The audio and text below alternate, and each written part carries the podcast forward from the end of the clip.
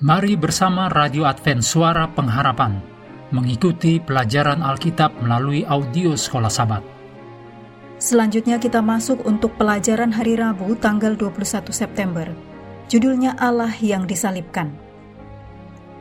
Mari kita mulai dengan doa singkat yang didasarkan dari Yohanes 16 ayat 33. Dalam dunia kamu menderita penganiayaan, tetapi kuatkanlah hatimu aku telah mengalahkan dunia. Amin.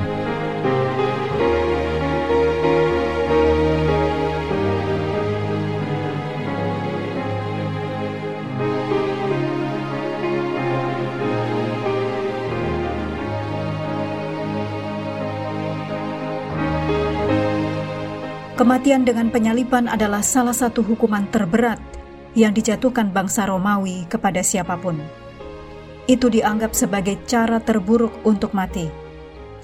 Jadi, betapa mengerikannya seseorang dibunuh dengan cara seperti itu, khususnya anak Allah. Kita harus selalu ingat, Yesus datang dalam daging manusia seperti kita. Di antara pukulan, cambukan, paku yang ditancapkan ke tangan dan kakinya, beban berat tubuhnya sendiri yang mencabik-cabik luka, rasa sakit fisik pasti tak tertahankan. Ini sangat kejam, bahkan untuk penjahat terburuk sekalipun. Betapa tidak adilnya bahwa Yesus yang tidak bersalah dalam segala hal harus menghadapi nasib seperti itu. Namun, seperti yang kita ketahui, penderitaan fisik Kristus adalah ringan jika dibandingkan dengan apa yang sebenarnya terjadi ini lebih dari sekedar pembunuhan orang yang tidak bersalah. Ayat-ayat berikut ini mengungkap peristiwa-peristiwa seputar kematian Yesus yang menunjukkan bahwa lebih banyak yang terjadi daripada yang dipahami kebanyakan orang pada saat itu.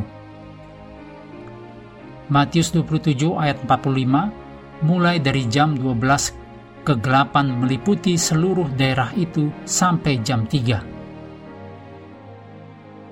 Matius 27 ayat 51, Dan lihatlah, tabir bait suci terbelah dua, dari atas sampai ke bawah, dan terjadilah gempa bumi, dan bukit-bukit batu terbelah, ayat 52, dan kuburan-kuburan terbuka, dan banyak orang kudus yang telah meninggal bangkit. Markus 15 ayat 38 Ketika itu tabir bait suci terbelah dua dari atas sampai ke bawah. Jelas sesuatu yang lebih dari sekadar kematian telah terjadi di sini. Betapapun tidak adilnya untuk seorang yang tidak bersalah. Menurut kitab suci, murka Allah terhadap dosa, dosa kita, dicurahkan ke atas Yesus. Yesus di kayu salib menderita murka Allah yang benar terhadap dosa dosa seluruh dunia. Dengan demikian, Yesus menderita sesuatu yang lebih dalam, lebih gelap, dan lebih menyakitkan daripada apa yang pernah diketahui atau dialami manusia mana pun.